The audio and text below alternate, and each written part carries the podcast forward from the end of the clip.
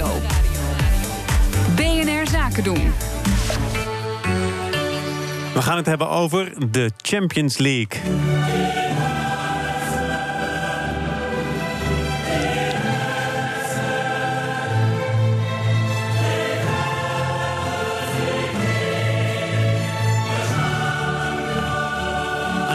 Eh, meezingen, merk Ja, ik ik hier. eh, zing hem Ja. vaak mee. Te vaak. Komende zaterdag is de finale in Kiev tussen Madrid, Real Madrid en Liverpool. Vandaag praten we over het commerciële succes van de Champions League met Marcel Beerthuizen van sponsoringadviesbureau Big Plans. Iedere twee weken bij ons te gast.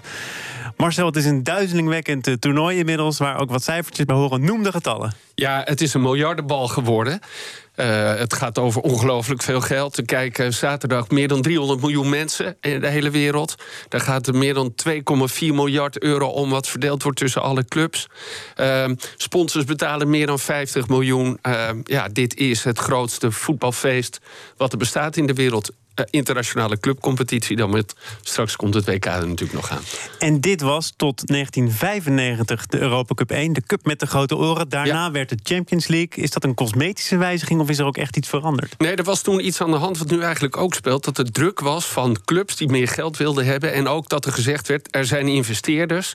En die zien dat ze geld kunnen verdienen met voetbal. En die willen wel een internationale competitie opzetten. De toenmalige voorzitter van de UEFA was een Zweed, Lennart Johansson. Die heeft toen twee sportmarketeers aan het werk gezet. Eh, Jurgen Lens en Klaus Hempel. En die hebben dit concept bedacht. Dus met weinig sponsors. En vooral wat de kracht is van het model... is dat de sponsorrechten en de mediarechten aan elkaar gekoppeld zijn. Dus dat betekent dat als je sponsor bent, zoals bijvoorbeeld Heineken... eh, dat je altijd te zien bent in het beeld. Omdat ook je commercials te zien zijn, de billboards te zien zijn. Dus dat maakt het zo krachtig. Ja, en het is het beste voetbal. Dus ook tv-zenders betalen er heel veel geld voor. Was het meteen een succes? In, het eerste jaar niet. Nee, de eerste twee jaar niet. Dat is nog heel grappig om ook goed te, be- te beseffen. Voor iedereen die met iets nieuws start.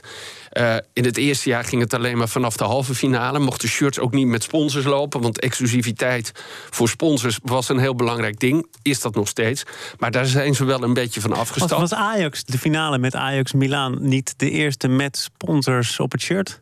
Ehm, dat zou kunnen, dat weet ik geen eens. Maar dat. ehm, eh, eh, nee, dus de eerste keer werd bijvoorbeeld gespeeld in, eh, in het Philipsstadion. PSV deed toen mee, het eerste seizoen. En dan zou het kunnen zijn dat Philips helemaal weg zou moeten, omdat Sony sponsor was. Nou, uiteindelijk gaf dat ook te veel blokkades bij de clubs en zijn ze daar iets van afgestapt. Maar exclusiviteit is nog steeds een heel belangrijk ding in dat hele sponsormodel. Jij kondigde op Twitter aan dat we het hierover zouden hebben. En toen Ja. reageerde iemand: Ja, Marcel, je gaat het hier over een succes hebben. Maar dit blaast zichzelf volledig op. Ja, ja, en dat Is zo? Nou, er is natuurlijk wel kritiek eh, op uit te oefenen. Want eh, het zorgt voor nog meer ongelijkheid in de wereld van voetbal. Zeker in het nieuwe model in het komende jaar. Waarbij eh, een aantal landen gewoon vier clubs krijgen. Wij als Nederland een voorronde moeten spelen. Gelukkig nu maar eentje voor PSV. Maar om toegang te krijgen tot dat miljoenenbal is dus miljardenbal is steeds, eh, steeds moeilijker geworden. En wat ook mensen zeggen, ja, weet je, wel, het, sommige wedstrijden zijn helemaal niet leuk meer. Het gaat alleen nog maar om geld. Eh, vooralsnog, de kijkcijfers in Europa nemen iets af. Eh, de gemiddelde leeftijd wordt hoger, maar in de rest van de wereld wordt er steeds meer gekeken. Dus het blijft nog steeds een heel krachtig instrument. Als het zich op zou blazen, dan komt dat misschien doordat er weer een investeerder komt die zegt: hé, hey, dit wil ik wel hebben. Laten we iets nieuws beginnen, bijvoorbeeld de Super League. Dat zou kunnen. Vind jij dat eh, de naam Champions League nog te rechtvaardigen is op het moment dat bepaalde landen sowieso vier clubs mogen afvaardigen? Ja, nou ja, en, en kampioenen uit andere landen zoals Nederland die mee mogen doen. Dus dan klopt het niet. Alleen ja, dit is zo'n ongelooflijk sterk merk geworden. Dus dat veranderen ze niet meer. En eh, eh, die naam klopt niet me- meer helemaal. Maar mensen blijven wel kijken. Zeker nu we ook weer de afgelopen wedstrijden hebben gezien. De halve finales, maar ook al de kwartfinales. Dat het ongelooflijk spannend is. Wat verwacht jij eh, van de toekomst? Want er komt een nieuw format. Nou, daar moet je flink op studeren. Tenminste, ik moest er even over nadenken. Hoe Ja. zit het ook weer precies? En Ja. uit zijn tijden veranderen. Nou, het format gaat over meer geld voor de clubs. Van 2,4 naar 3,2 miljard wat er verdeeld wordt.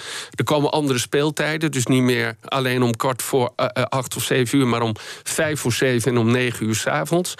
Uh, er is veel meer geld voor de clubs te verdienen. Dus dat verdubbelt bijna. Als je wint krijg je bijna 3 miljoen. Hè. Dat is nu zo'n 1,5 miljoen. En zelfs bij gelijkspel was nu 4 ton. Gaat naar 9 ton. Dus daar verandert heel veel. Ja, en wij als Nederlanders krijgen het veel moeilijker. Want Frankrijk, Italië, Duitsland Duitsland kunnen gewoon met vier, vier teams meedoen.